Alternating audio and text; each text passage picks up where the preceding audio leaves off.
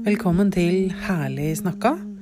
Folk som snakker om hvordan de egentlig har det. I dag har vi med Lena Merete Ror, som er forfatter av to romaner, 'Ringerosen og tideverv', som er en del av en trilogi. Den tredje boka kommer neste år, og hun jobber som daglig, jobbet til daglig som organisasjonssekretær i Forfatterforbundet, og var også med og stifta det forbundet. Og målet med alt dette er Calendula Sisterhood, som hun har grunnlagt sammen med Camilla Brox, um, og som hun kaller en treenighet som har blitt et skikkelig kinderegg. Det er jo en spennende, uh, et spennende utsagn. Velkommen. Tusen takk for det. Veldig hyggelig å få lov å være med. Veldig hyggelig. Hva mener du med det kinderegget? Nei, det er jo en, egentlig en lang historie, men det er som en sånn trefotet krakk, der jeg trenger alle tre føttene for å, å stå støtt. Mm. Eh, jeg har forfatterskapet, og så, etter å ha lansert en bok og en bok til, og sett at jeg syns ikke at litteratur og bokbransje Jeg syns ikke dette fungerer så godt, faktisk. Skal jeg da bare sitte og irritere meg, eller skal jeg engasjere meg? Da det kom et, eh, et nytt initiativ til en ny forfatterforening, da. Mm. Så gjorde jeg det siste, og så har jo det ene tatt det andre. Men det gir meg jo kunnskap og en plattform til å kunne både snakke om bøkene mine og, og kontakter, og jeg har lært masse så mm. det har liksom vært en kjempespennende reise inn i et helt nytt landskap. Uh, der målet er dette med Calendula Sisterhood, som mm. er uh, en, et nettverk uh, som jeg kan komme nærmere inn på etterpå. Ja, veldig gjerne. Veldig gjerne. Jeg, vi møttes jo, nå husker ikke jeg hvor lenge det var siden, men det må jo være ti, mer enn ti år siden? Ja, det var nok enten 2010 eller 2011, kanskje. Ja. Tror jeg. Ja. Da tipper jeg 2010. For jeg er ganske sikker på at det ikke var 20, men jeg husker ikke helt, da. Så eh, det er mulig jeg tar feil. Men ja, noe rundt der. Um, mm. Og det er jo den eneste gangen vi har møtt hverandre fysisk. ja, det er det. Og, og, av en eller annen grunn så har jo du vært på en måte en del av verdensbildet mitt hele tida. Det er også ganske spennende eh, å kjenne på, liksom. Det har, fordi noen mennesker blir borte, og så tenker du aldri mer på det. Men jeg, men jeg, men jeg husker veldig godt det møtet. Det husker jeg veldig godt. Det var ja, det gjør jeg òg. Mm. Det, det var ikke så lenge etter at min verden egentlig Jeg følte at den ble snudd litt på hodet. Mm. Uh, og jeg søkte kunnskap om det jeg nettopp hadde skjønt mm. og innsett og forstått. Og da dukket du opp med, med et foredrag eh, som, som jeg syntes hørtes veldig spennende ut, som jeg hadde lyst til å høre på.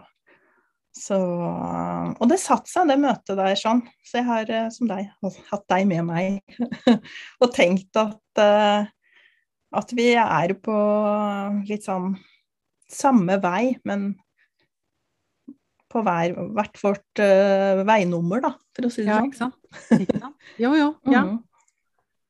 ja det, og det, det vi, var jo, vi, var jo, inne på for vet ikke hva det var tre-fire år siden, om vi skulle om liksom tiden var inne for å finne på noe sammen. Jeg syns det var veldig kult når jeg nå selv om, selv om jeg syns det er trist at på en måte den treenigheten som vi var med jentene, da, som, som podda, så plutselig så, så, ble livet og hadde sine praktiske krav.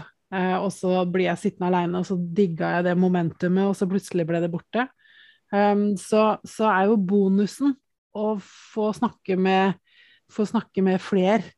Få flere perspektiver og få mer Ja, på en måte mer bevegelse føler jeg at det er, da. Mm. Ja, nei, jeg er helt enig i at uh, det er jo disse samtalene uh, som man har, da, som jeg også har som organisasjonssekretær i Forfatterforbundet, at det ringer jo altså Min jobb er å sitte og drifte forbundet til daglig. Mm. Uh, og så ringer det forfattere som kanskje har helt sånn eh, problemer med noe som de ikke De har ingen å snakke med dem om. Og så er det disse små samtalene som jeg Det er nesten det fineste mm. uh, jeg gjør med hele jobben. Uh, det er fordi at det er så uventet, og det er så Man trenger ikke kjenne hverandre for å ha en fin samtale heller. Nei, overhodet ikke. Og jeg syns jo mm. faktisk noen ganger er det lettere med folk jeg ikke kjenner, enn folk jeg kjenner veldig godt.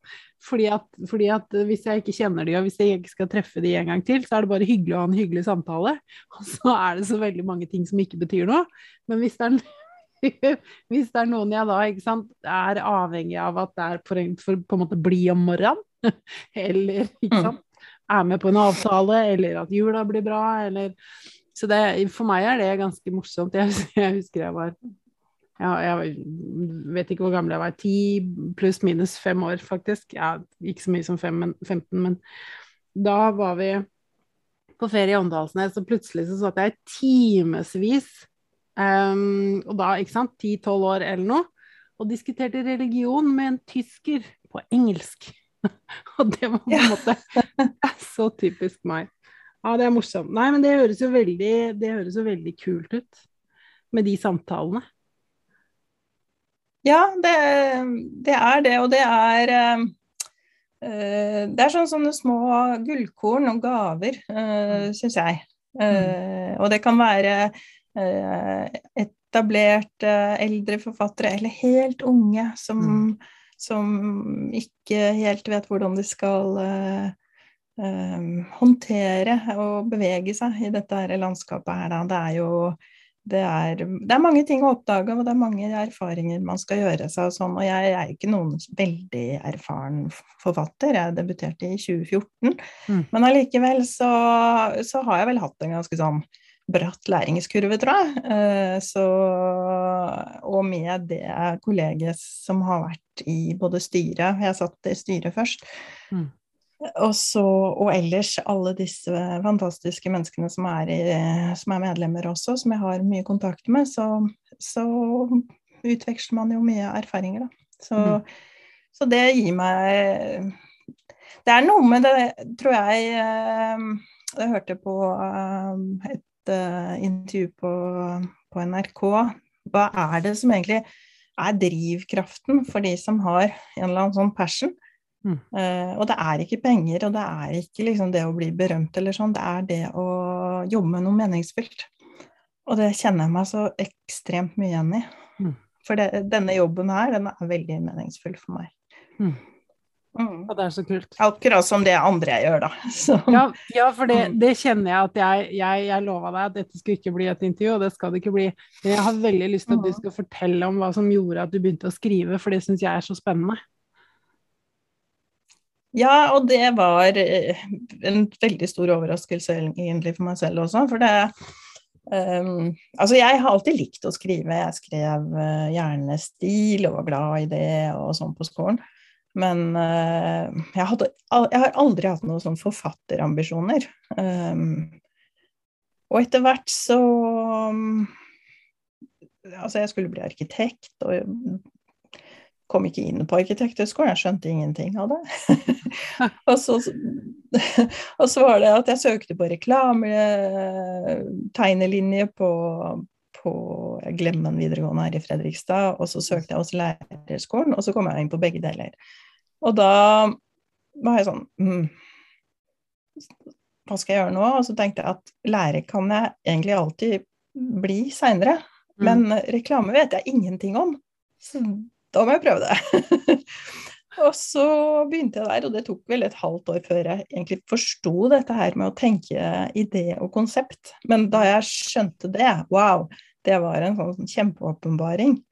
Eh, men det var først da jeg egentlig begynte å skrive eh, tekster til arbeidene mine, at jeg kjente at her lå det noe mer. Og så hadde jeg en helt fantastisk lærer som het Jens Hauglin, eh, som også var kunstner, og som virkelig så eh, oss elevene. Mm. Uh, og jeg kan ikke få fullrost han nok. Uh, min uh, andre roman, 'Tideverv', den er dedisert til han, faktisk. han ba meg, da jeg begynte å snakke om å søke Westerdal reklameskole, så sa han at jeg syns du skal søke tekstforfattere, Lena. Å, liksom. Ja, jeg ser at du har noe Det er noe med de ordene og de tekstene dine. Mm. Så gjorde jeg det, da. Så kom jeg inn der. Og så var jeg tekstforfatter egentlig i mange år. Uh, helt til jeg startet for meg selv. Og da ble det litt kjedelig. Og jeg tror ut av kjedsomhet så gror det veldig mange ting. Tror det er veldig, veldig nyttig å kjede seg innimellom. For da begynner man å tenke Hva er det jeg egentlig vil med livet mitt? Hva er liksom dette her? Og samtidig så hadde jeg arvet et gammelt postkortalbum etter min bestemor. Eh, og hun bodde i Råde ved siden av oss, var nærmeste nabo. Og jeg var nede hos henne hver eneste dag da jeg var liten. Mm. Og innimellom så fikk jeg låne og se i dette albumet her. Og da, jeg, da, det var mitt, så begynte jeg jo også å ta ut kortene og se på baksiden, om jeg kunne finne ut noe mer. For da, yeah begynte jeg å tenke, var det ikke det? Liksom, det var jo noe med den historien om bestemor sin mamma som døde i en togulykke i London i 1912. og hva var det for noe? Og så, mm. ja, så begynte jeg å lete og lete og lete. Og så til slutt så var jeg egentlig så oppslukt av å finne denne her historien um, at, at, det liksom men, da, ja, men jeg vil jo det, det, er jo noe her, liksom. Og så var, jeg, var det egentlig en helt annen årsak som jeg var hos en dame jeg hadde møtt en gang før. Eh, for jeg var så lei meg eh, i forhold til en eh, situasjon. Mm. Og den samtalen varte i fem timer. Og i løpet av den samtalen her så bare forsto jeg at det jeg skal her i verden, det er faktisk å fortelle bestemors historie, for den er viktig på flere plan. Og det var som å det var som å få en åpenbaring. Det var, å, det var veldig, veldig sterkt. Og jeg, jeg, glemmer aldri det. Det var, tror jeg var i september i 2010. Og jeg tror kanskje at vi møttes i november eller noe sånt.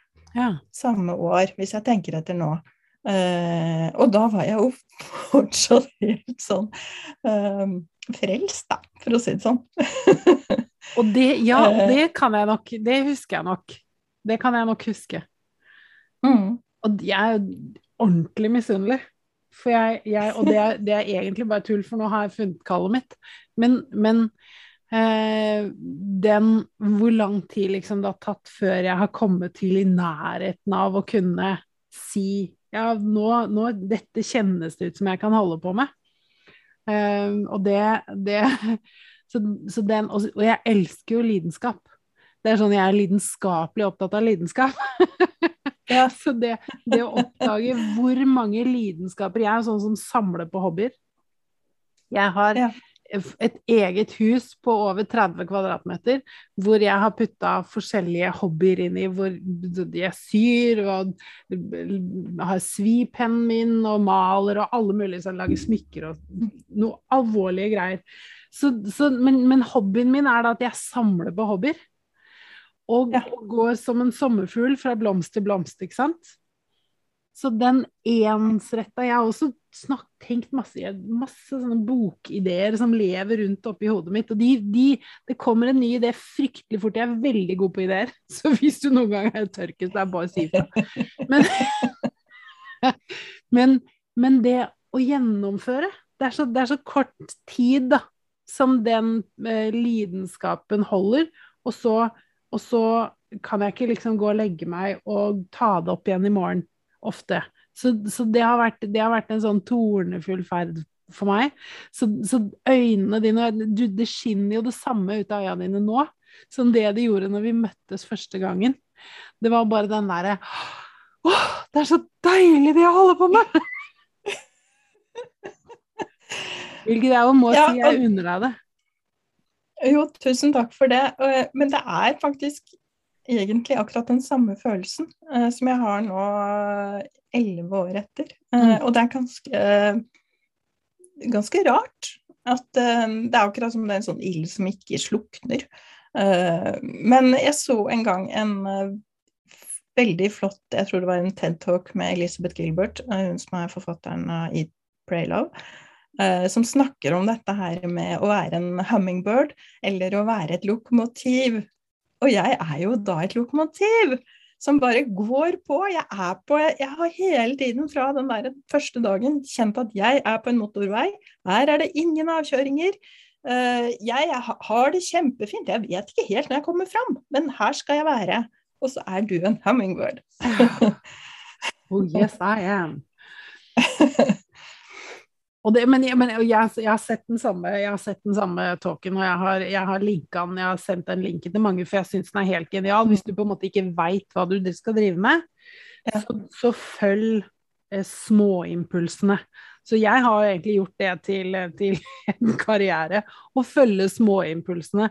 Og så mm. har hun jo veldig rett i det at hvis man er en hummingbird, eller som jeg kaller det, sommerfugl, så oppnår man jo en ekstremt verdifull ting, nemlig krysspollinering. Ja, man kan 48, altså hvis man har hatt 48 hobbyer, og man kommer til den 49., så, så skal det ikke så mye til før man tenker at det kan jeg bruke her, og det kan jeg bruke her, og så kan man plukke og mikse, og så, og så blir det til noe helt nytt ut av det, ikke sant. Så det er jo mm. kjempekult. Det, og jeg syns jo Jeg elsker jo å lære ting.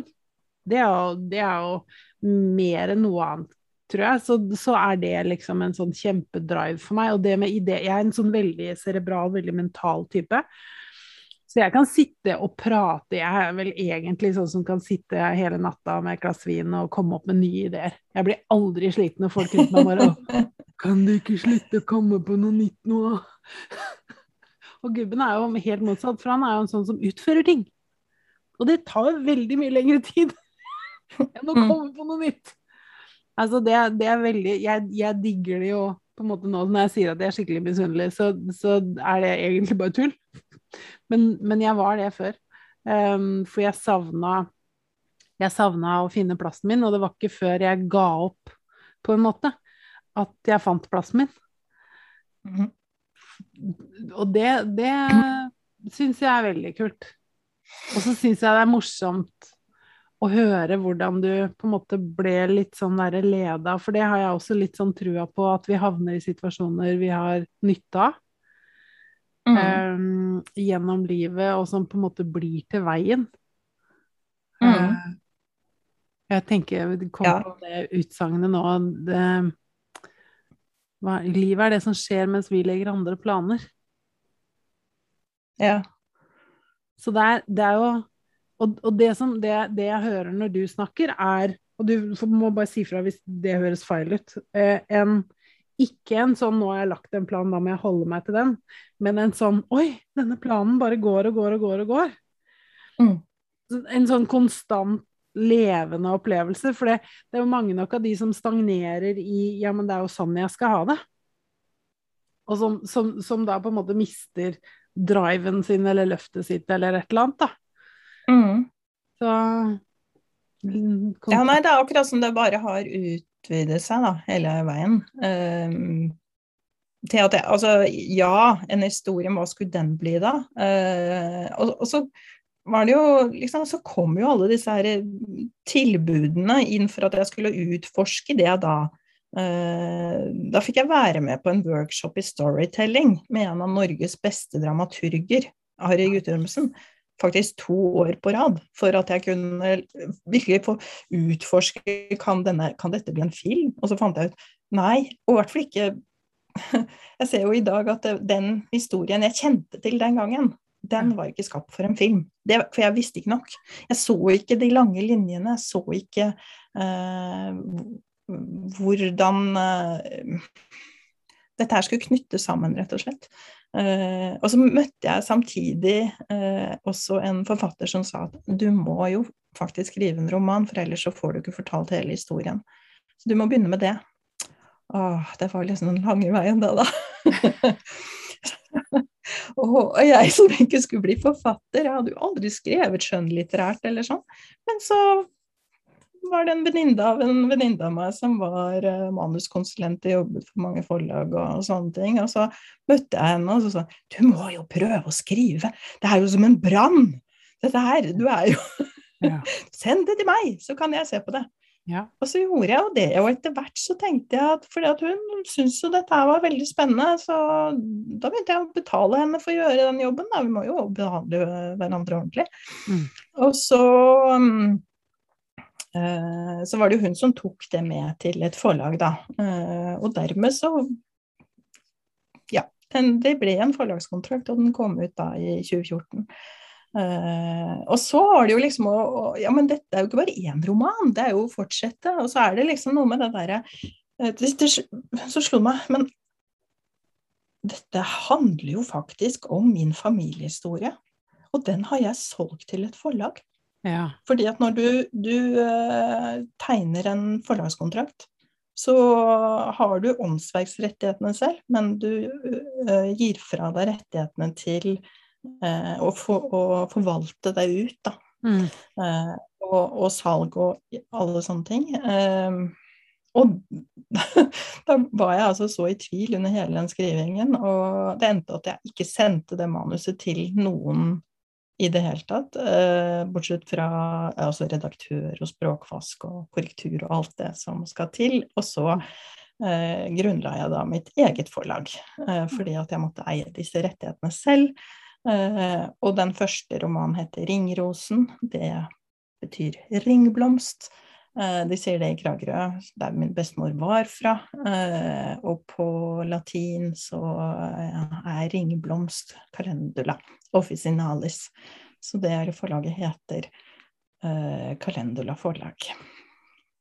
Og så har jeg jo da Calendula Sisterhood, som ja. har kommet etterpå. Men det er jo noe med så, Sånn at ting vokste seg Det vokste på seg, egentlig. Ettersom jeg gjorde mine erfaringer. Og så er det jo hele tiden med denne visjonen der framme og denne motorveien å være på. Uh, og det er jo ikke Finner jeg ikke den løsningen, så finner jeg den. Og nei er ofte ja til noe bedre, er min erfaring. Ja, ja ikke sant. Ja, jeg, så selv om man får nei et sted, så er det ikke sikkert at, at det trenger å bety uh, verdens undergang. Det kan faktisk hende at du, du finner en bedre løsning, og at uh, det ender på et bedre sted. Ja, ikke sant. Og det er jo ekstremt verdifull informasjon, og det er jo mange kilder som peker i den retningen. Eh, samtidig som vi som kultur jo i og for seg gjør det motsatte. Istedenfor eh, Og jeg husker veldig godt når min sønn var liten, hvor jeg var veldig opptatt av at ting måtte være riktig og ordentlig. Jeg var veldig ung da når jeg ble mor, så jeg hadde strengt tatt ikke peiling. Eh, og jeg gjorde så godt jeg kunne, så det er ikke noe med det. Men jeg var veldig opptatt av at ting skulle være riktig, så han fikk jo liksom ikke lov å prøve. Så den, den fasen hvor man på en måte gjør feil Vi hadde jo en pod om det eh, for, for noen uker siden, hvor hvor bare den oppdagelsen at feil, de feilene man gjør i dag, det er det som blir ryggrad i morgen. Det er det du mm. på en måte bygger kompetansen din på. ikke sant? Du bygger muskler ved å gjøre feil og erfare. Og, ikke sant? Så, så, så, hele den bevegelsen med å prøve og feile er jo så ekstremt verdifull. Og så har vi mm. beveget oss litt bort fra den sånn eh, eh, Hva skal jeg si kulturelt. og jeg, bare for å sprette over til noe helt annet, eh, legger merke til eh, Og det, jeg, nå, dette er en brannfakkel, så det er bare spenn dere fast. Dette blir ille. Jeg ser på um, Facebook, da, når noen legger ut hvor viktig det er å invitere alle i bursdag. Og, og jeg er ja til inkludering. Ja, absolutt ja til inkludering. Og jeg er jo en av de som ikke ikke alltid ble invitert. Um, som, som, ikke alltid var velkommen. Um, av forskjellige årsaker. Og det har jo vært med på å lage meg til en person uh, som, som, jeg da kunne i, i, i, den situasjonen så kunne jeg jo velge hvem er jeg. Er jeg en person da som, som slår meg til ro med at jeg ikke har verdi, eller er jeg en person som kjemper for å ha verdi, eller ikke sant, hva, hva blir veien min? Um, og for meg så har det vært en sånn derre forskningsreise. Jeg liker å lære ting, så jeg må lære hvordan dette henger sammen. Så for meg så har det vært en sånn forskningsreise, det å oppdage at ja, men noen mennesker liker meg jo faktisk selv om jeg er opptatt av å vinne. For det er jeg. Og selv om jeg er opptatt av å ha rett, for det er jeg, så er det liksom har, jeg, har jeg venner som Heldigvis så har jeg ofte rett, da, så det går fint. Men ja,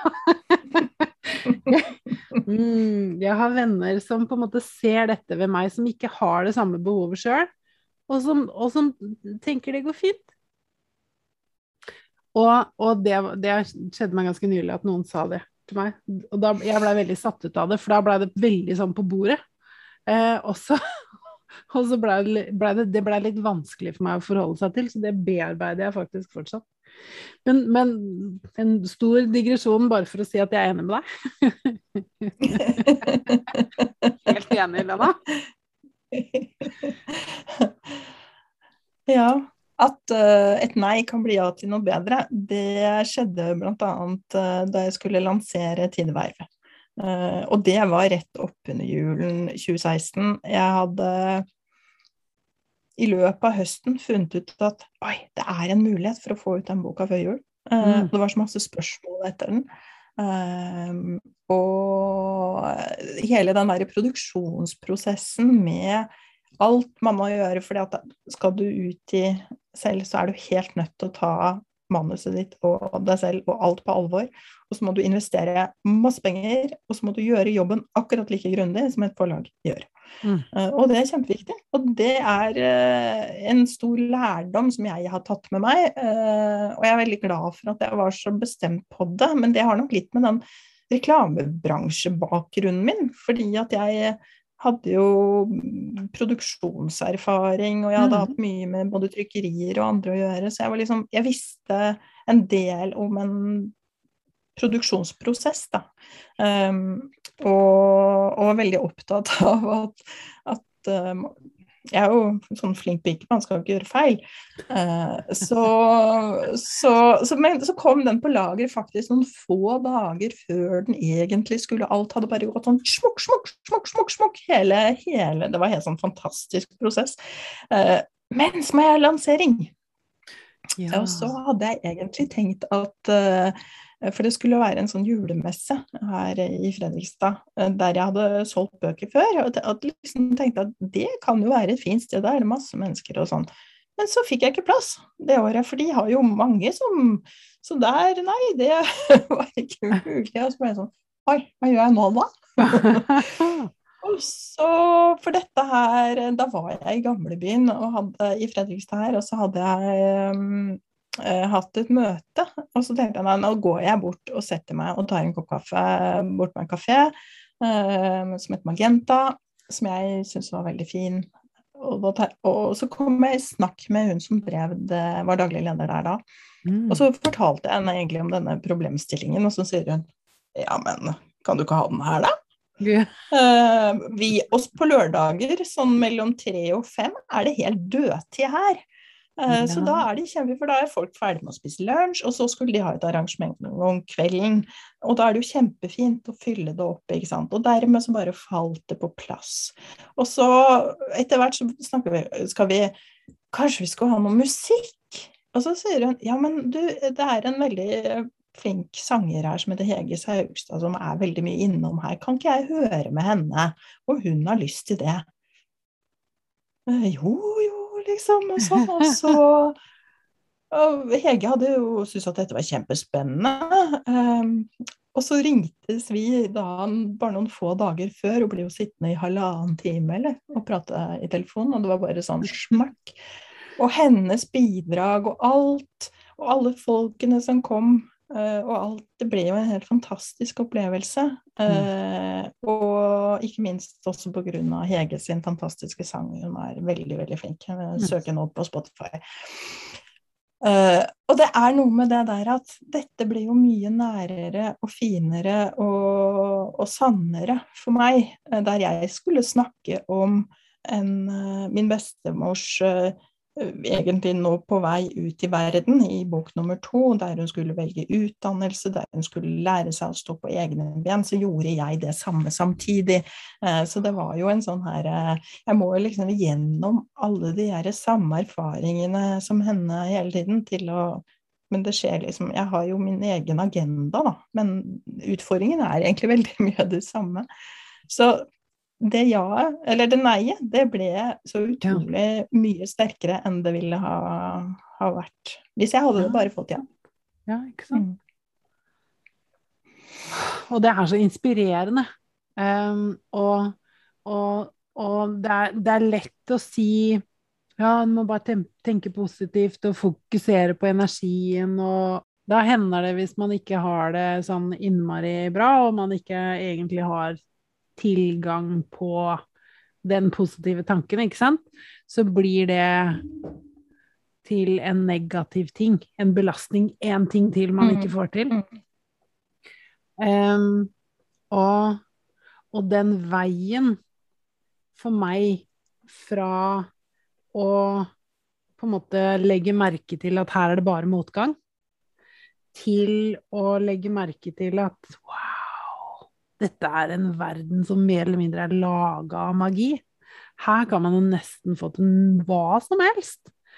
Um, den, den, har handla om sånn masse observasjon eh, og se. Fordi jeg har vært i, vært i, mange tøffe situasjoner i livet og har på et eller annet tidspunkt oppdaget hvor mange av de situasjonene jeg kommet levende ut fra. Så langt absolutt alle. 100 faktisk suksessrate og, og, og, bygge litt tillit, da. Og på et eller annet tidspunkt ble den ideen introdusert for meg at verden er faktisk laget for at jeg skal være her, vokse og gro. Så da betyr det at på et eller annet vis så er systemet stacka i min fordel. Um, og fra det ståstedet er det veldig mye lettere å gjøre det du snakker om, ikke sant. Og, og når du får et nei, å legge merke til neste muligheten. Og, og, når mm. man begynner å legge merke til mulighetene, så kommer det jo ganske mange flere av de òg. Og, og, det er jo det som er så interessant med det med energifolk. Eh, folk, eh, jeg, jeg, tenker um, law of attraction, altså verden blir sånn som du tenker at den blir. Uh, og så er det noen som sier nei, det gjør den ikke. Og for de så er det jo selvfølgelig sant. Fordi, ja. fordi de tenker at jeg får ikke det jeg tenker, og da får de ikke det de tenker.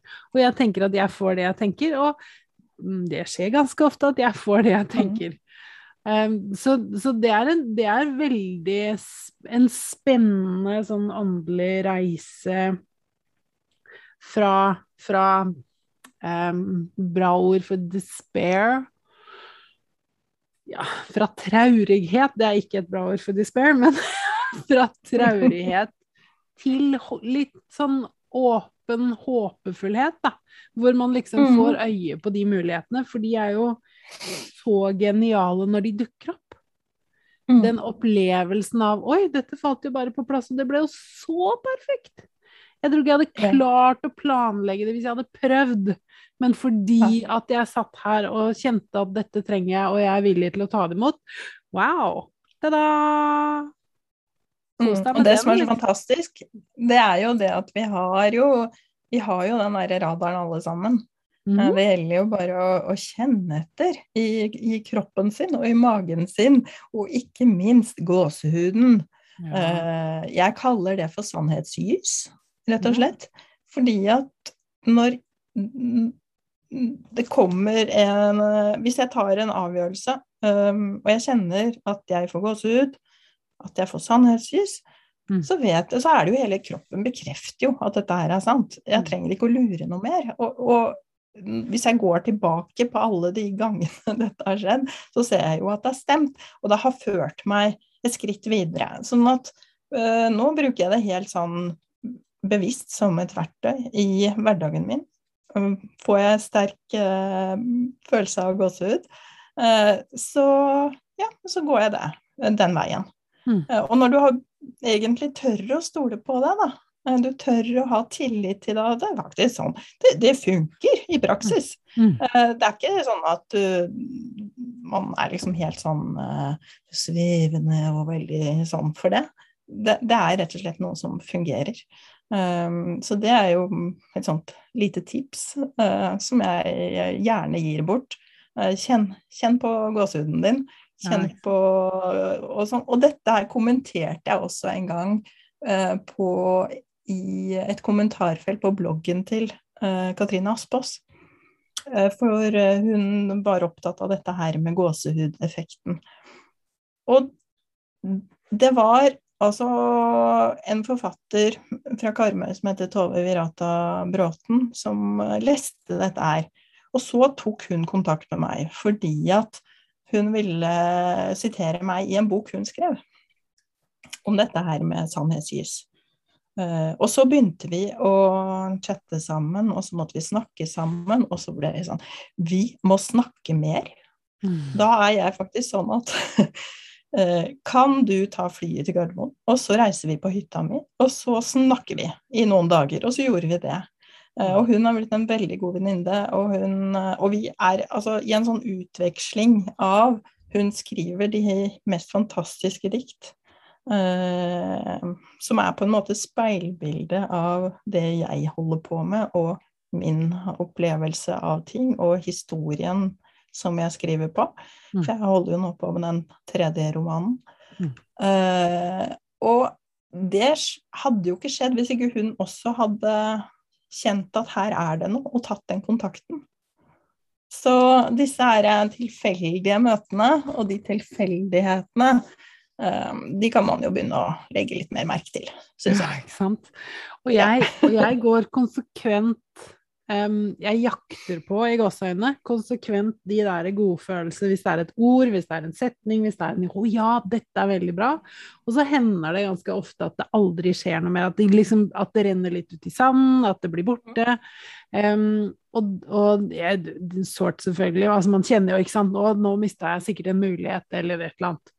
Um, og i de tilfellene da hvor det klaffer, så er det bare så mye deiligere. Mm. Så sannhetsgis, det, det, er veldig kult. Det er veldig kult, altså. ja. Nå har jeg lyst til at du skal si litt om uh, Kalendula uh, Sisterhood. Mm.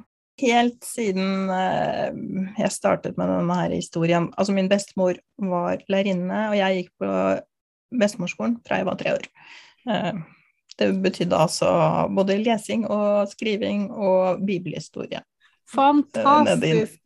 Nabohuset. Jeg har Bestemorskolen. Og jeg har faktisk sånne notatbøker ennå, og vi har tegna begge to. Og eh, det er Maria med eh, grønne sjøstøvler og, og i det hele tatt. Men um, dette er med med utdanning, og jenter og utdanning. Fordi at min bestemor tok veldig tidlig en, en bestemmelse om å bli lærerinne.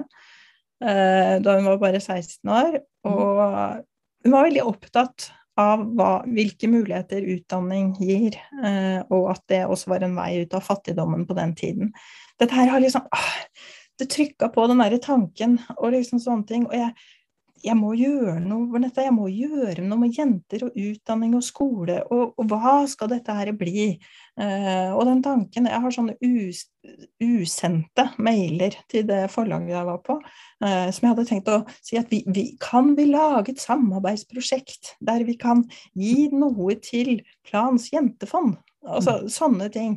Uh, nei, jeg skal bygge en skole i India, var egentlig neste store kongstanke som jeg hadde med meg hele veien.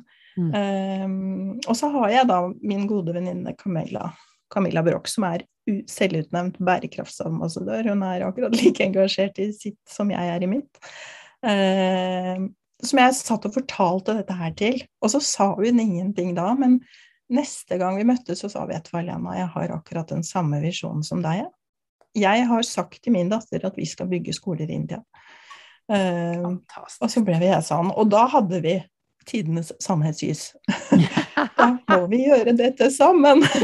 og dette må jo bli en, eh, dette må bli en organisasjon, og så jobba vi lenge med hvordan dette her skulle være organisert, eh, og hva det skulle hete.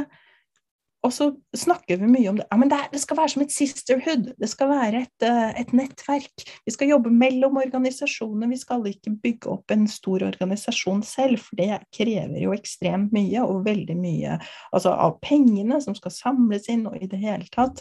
Vi må være smart og bruke de ressursene som er der. Uh, og så var det en annen venninne av oss igjen som sa at ja, men den må jo hete da Kalendula. Det er jo liksom vært med deg hele veien. Mm. Og det er jo i den historien der det egentlig startet, liksom. Eh, og, og, den driven som både bestemor Randi hadde, og som jeg føler at jeg har overtatt, da. Mm. Og da ble det Kalendula Sisterhood. Eh, så den stifta vi for kanskje tre år siden, men vi har brukt veldig lang tid på å kjenne etter. Hvilken mm. retning skal vi gå?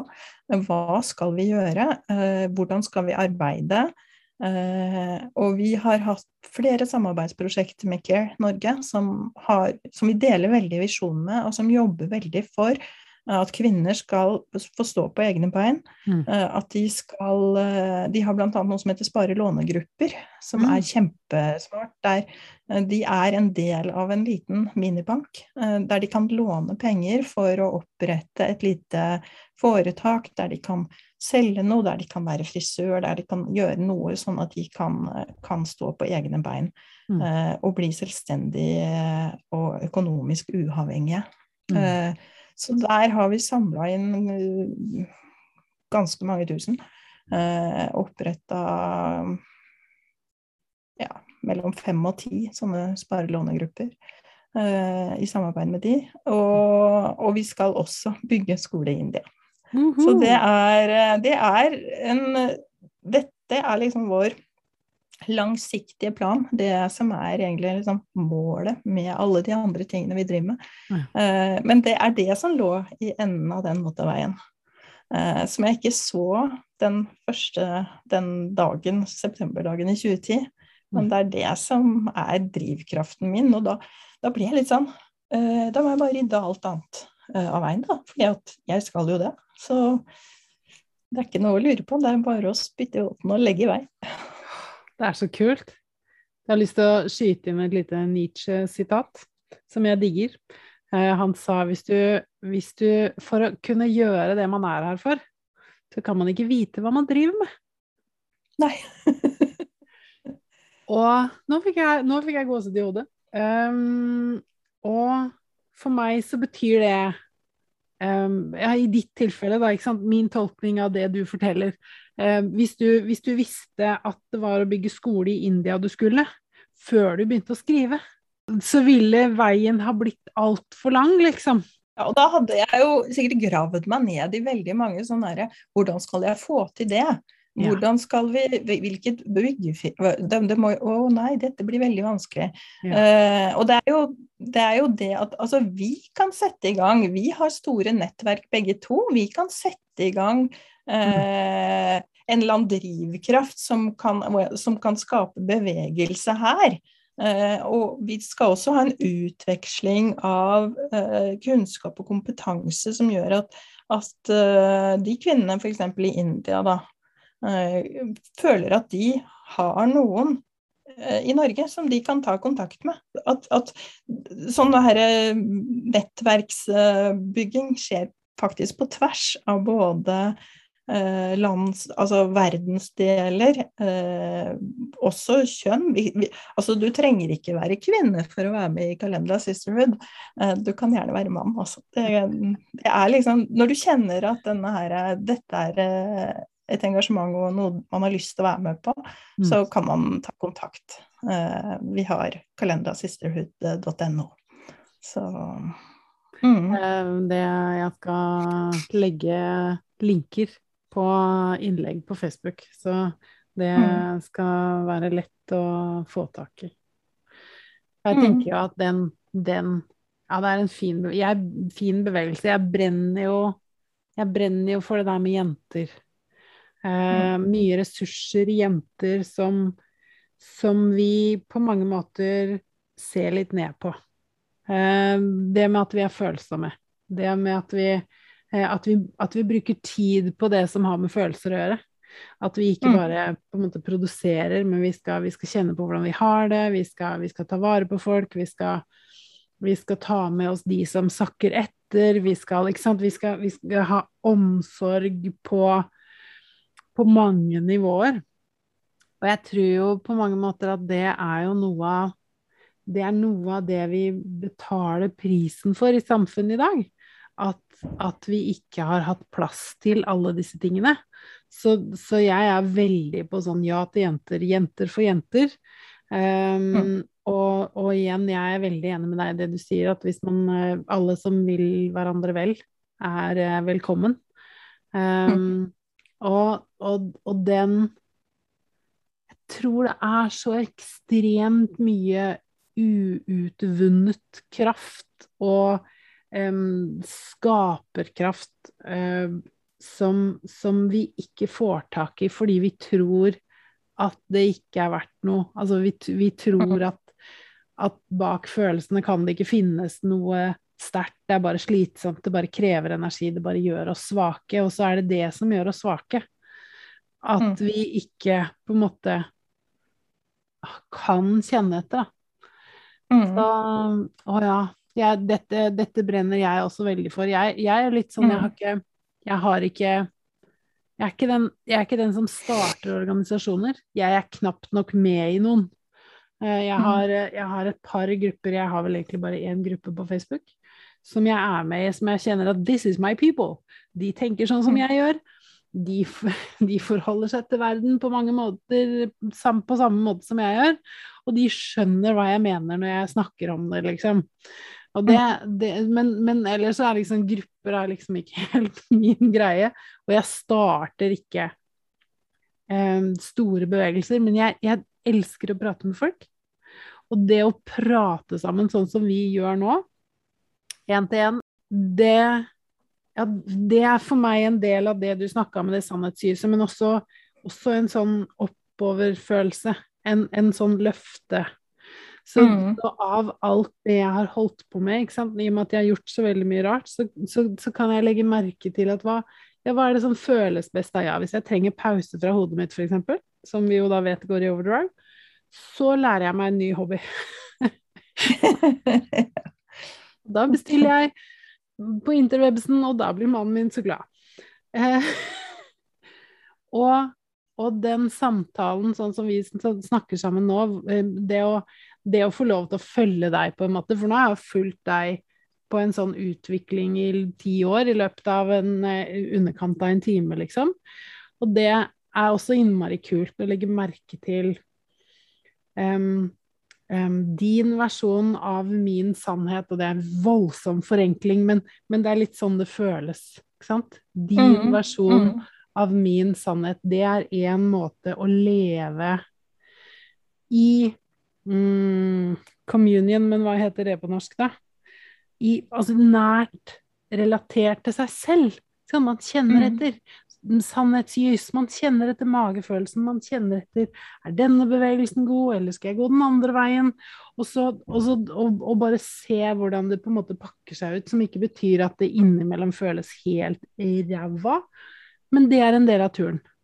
For da veit mm. jeg at når det er helt ræva, da enten så tenker jeg noe som ikke er sant for meg, eller så er det noe som trenger oppmerksomheten min, ikke sant? Mm. Sånn som kvinner gjør når noen vræler. Ja, da plukker de dem opp og klemmer litt på dem. ja, det er jo akkurat det. Og det er liksom mange som tenker at, altså, at jeg er en naiv optimist, da som liksom bare tror at dette her kommer til å gå bra. Og det, det, den der følelsen er jeg hele tiden. Ja, men det, det, kommer til å gå bra. Jeg kommer til å komme fram. Uh, dette her kommer til å bli sånn som jeg har tenkt. For det er liksom failure is not an option. Det er, det er liksom ikke noe Det er ikke noe Det er ikke noe plan B. Men jeg vet ikke hva hele plan A inneholder. Det gjør ikke det, altså. Nei, og det det er jo noe av det da som er spennende som er interessant. Mm. Når man går mm. en vei, eh, og så, og så veit man ikke alle stegene man skal gå. Og så kjenner man, så kan man bruke liksom hovednavigasjonssignalet, da, for du, du veit du skal dit. Dette er mm. skole i India, liksom. Det er, det er målet. Og så, så, kan det jo bli litt sport i det òg, da. ikke sant, Å se å, hvordan passer dette inn i den store planen, liksom. Mm. Skjer tilfeldige ting. Det er mm. veldig spennende. Og det, det, det, jeg digger med å snakke med deg, er um, en sånn bekreftelse. Ikke sant? Um, en, en, drøm er født, og så er det bare sånn det er. Uh, mm. Og den, uh, for meg, for meg min, min, versjon av det er at jeg kjenner etter Vil jeg dette en gang til? og i, i forhold til denne samtalen, da, eller podden, ja. Ikke sant? En til, en til, en til, en til. Um, og, og, og, kjenne at, ja, som du sa, den flammen fortsatt er der. Mm. Jeg er fortsatt litt misunnelig, altså. Jeg må innrømme jeg er det. jeg husker du sa det den gangen, og det gjorde et sånt utrolig inntrykk på meg, for det var så veldig, veldig ærlig uh, å si det. Uh, for du kunne ha bare hoppa over det og vært liksom i en sånn profesjonell setting. Mm. Og så bare så du på meg, og så det, det, det, det, vil jeg også. Og nå har du det. Og det er, det er så veldig tydelig. Og det er så, det er så veldig fint å, å, se og ha fulgt det også, da. Så det er gjensidig, Anita. Mm. Det er veldig kult. Tusen takk for at du ville være med på pod. Det har vært en Veldig hyggelig.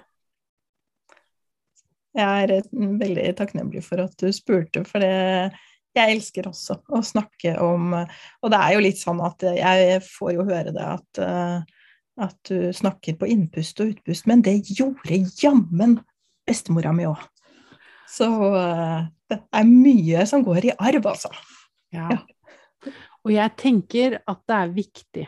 Jeg er jo sant, i forhold til det med å snakke på innpust og utpust, jeg, er, jeg har et veldig kraftig uttrykk.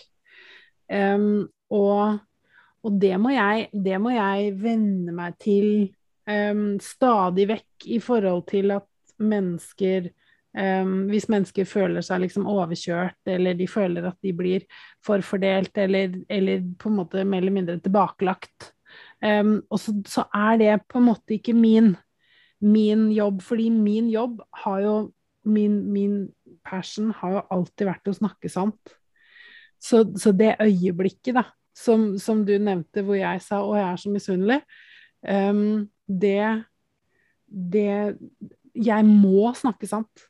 Jeg kan ikke mm. ikke si det. Når det dukker opp i meg, så kan jeg ikke ikke si det. Og det å ha en plattform nå som på en måte handler om å snakke sant, det er mm. ekstremt deilig. Du aner ikke hvor mye trøbbel jeg har kommet mm. opp i i løpet av livet mitt fordi jeg har snakka min sannhet, og det har vært skeivt til tider. Og jeg, jeg, har jo vært både arrogant og overkjørende og nedlatende og veldig koselig.